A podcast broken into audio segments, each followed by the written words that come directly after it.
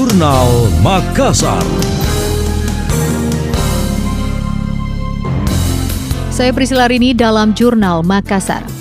Komisi Pemberantasan Korupsi atau KPK lewat situs e-announcement LHKPN merilis jumlah harta kekayaan yang dimiliki penyelenggara negara. Sebagian pejabat negara tercatat mengalami peningkatan harta kekayaan. Seperti harta Gubernur Jawa Tengah Ganjar Pranowo mengalami kenaikan sekitar 551 juta. Begitupun dengan harta Gubernur Jawa Barat Ridwan Kamil, hartanya naik sekitar 6,6 miliar. Namun ada pula yang justru menurun seperti PLT Gubernur Sulawesi Selatan Andi Sudirman Sulaiman yang mengalami penurunan harta kekayaan sekitar 1,5 miliar. Sebelumnya kekayaan Andi Sudirman tercatat mencapai 9 miliar lebih, kini tersisa 7 miliar lebih. Atas fenomena tersebut, sejumlah pengamat memberikan analisisnya, seperti diungkapkan pengamat politik Universitas Islam Negeri atau UIN Alauddin Makassar, Firdaus Muhammad. Menurutnya, pejabat bersangkutan harus memberikan klarifikasi atau penjelasan terkait harta kekayaannya, sebab jika tidak akan membentuk opini publik itu harus ada penjelasan-penjelasan ke publik. Karena ini juga khawatirnya nanti jadi stigma. Apakah kenaikan kekayaannya itu ada kaitannya dengan jabatannya? Ini penghasilan dari harta kekayaannya, tetapi ada kekayaannya itu berdampak dari jabatan yang diembannya sekarang.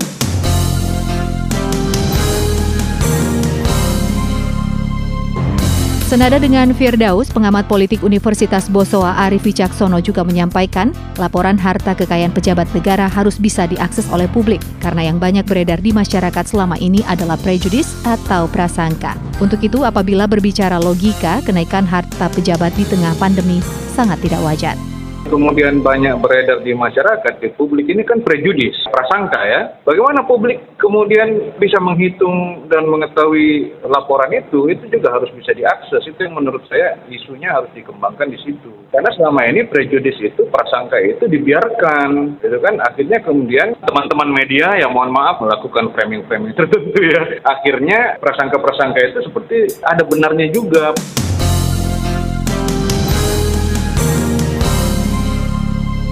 PLT Gubernur Sulawesi Selatan Andi Sudirman Sulaiman sendiri enggan menanggapi penurunan harta kekayaannya. Ia hanya mengatakan hal itu terjadi lantaran nilai beberapa aset properti yang dimilikinya anjlok sebagai dampak pandemi COVID-19.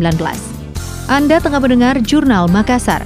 Sistem pengadaan barang dan jasa pada Pemprov Sulawesi Selatan menjadi salah satu fokus evaluasi KPK melalui Satgas Koordinasi Supervisi dan Pencegahan atau Korsubgah Korupsi Wilayah 4. PLT Kepala Biro Pengadaan Barang dan Jasa PBJ Sulsel Andi Bakti Haruni mengatakan, sejak menjabat sebagai PLT Gubernur, Andi Sudirman merombak sistem tender proyek, yakni dengan cara mengacak petugas kelompok kerja atau POKJA, sehingga para peserta tender proyek tidak akan mengetahui POKJA yang bertanggung jawab. Hal ini sebagai wujud komitmen agar sistem tender transparan, adil, akuntabel, dan berkualitas. Dalam kesempatan itu, KPK pun memberikan apresiasi dan memuji atas sistem BPJ yang dilakukan saat ini. Dari sisi output, kita mengalami peningkatan terutama dari sisi efisiensi penggunaan anggaran untuk mewujudkan berbagai program-program kegiatan yang ada di Sulawesi Selatan. Kita diharapkan terus mencoba melakukan perbaikan-perbaikan, terus melakukan pembinaan terhadap pokja-pokja yang ada sambil membenahi infrastruktur dan sarana kerja yang memadai untuk pokja-pokja.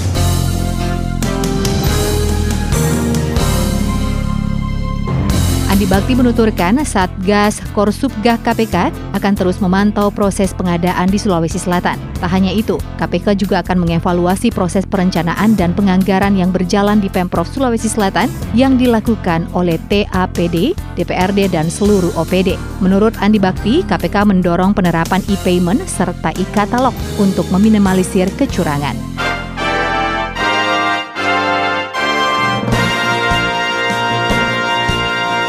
Demikian tadi, Jurnal Makassar.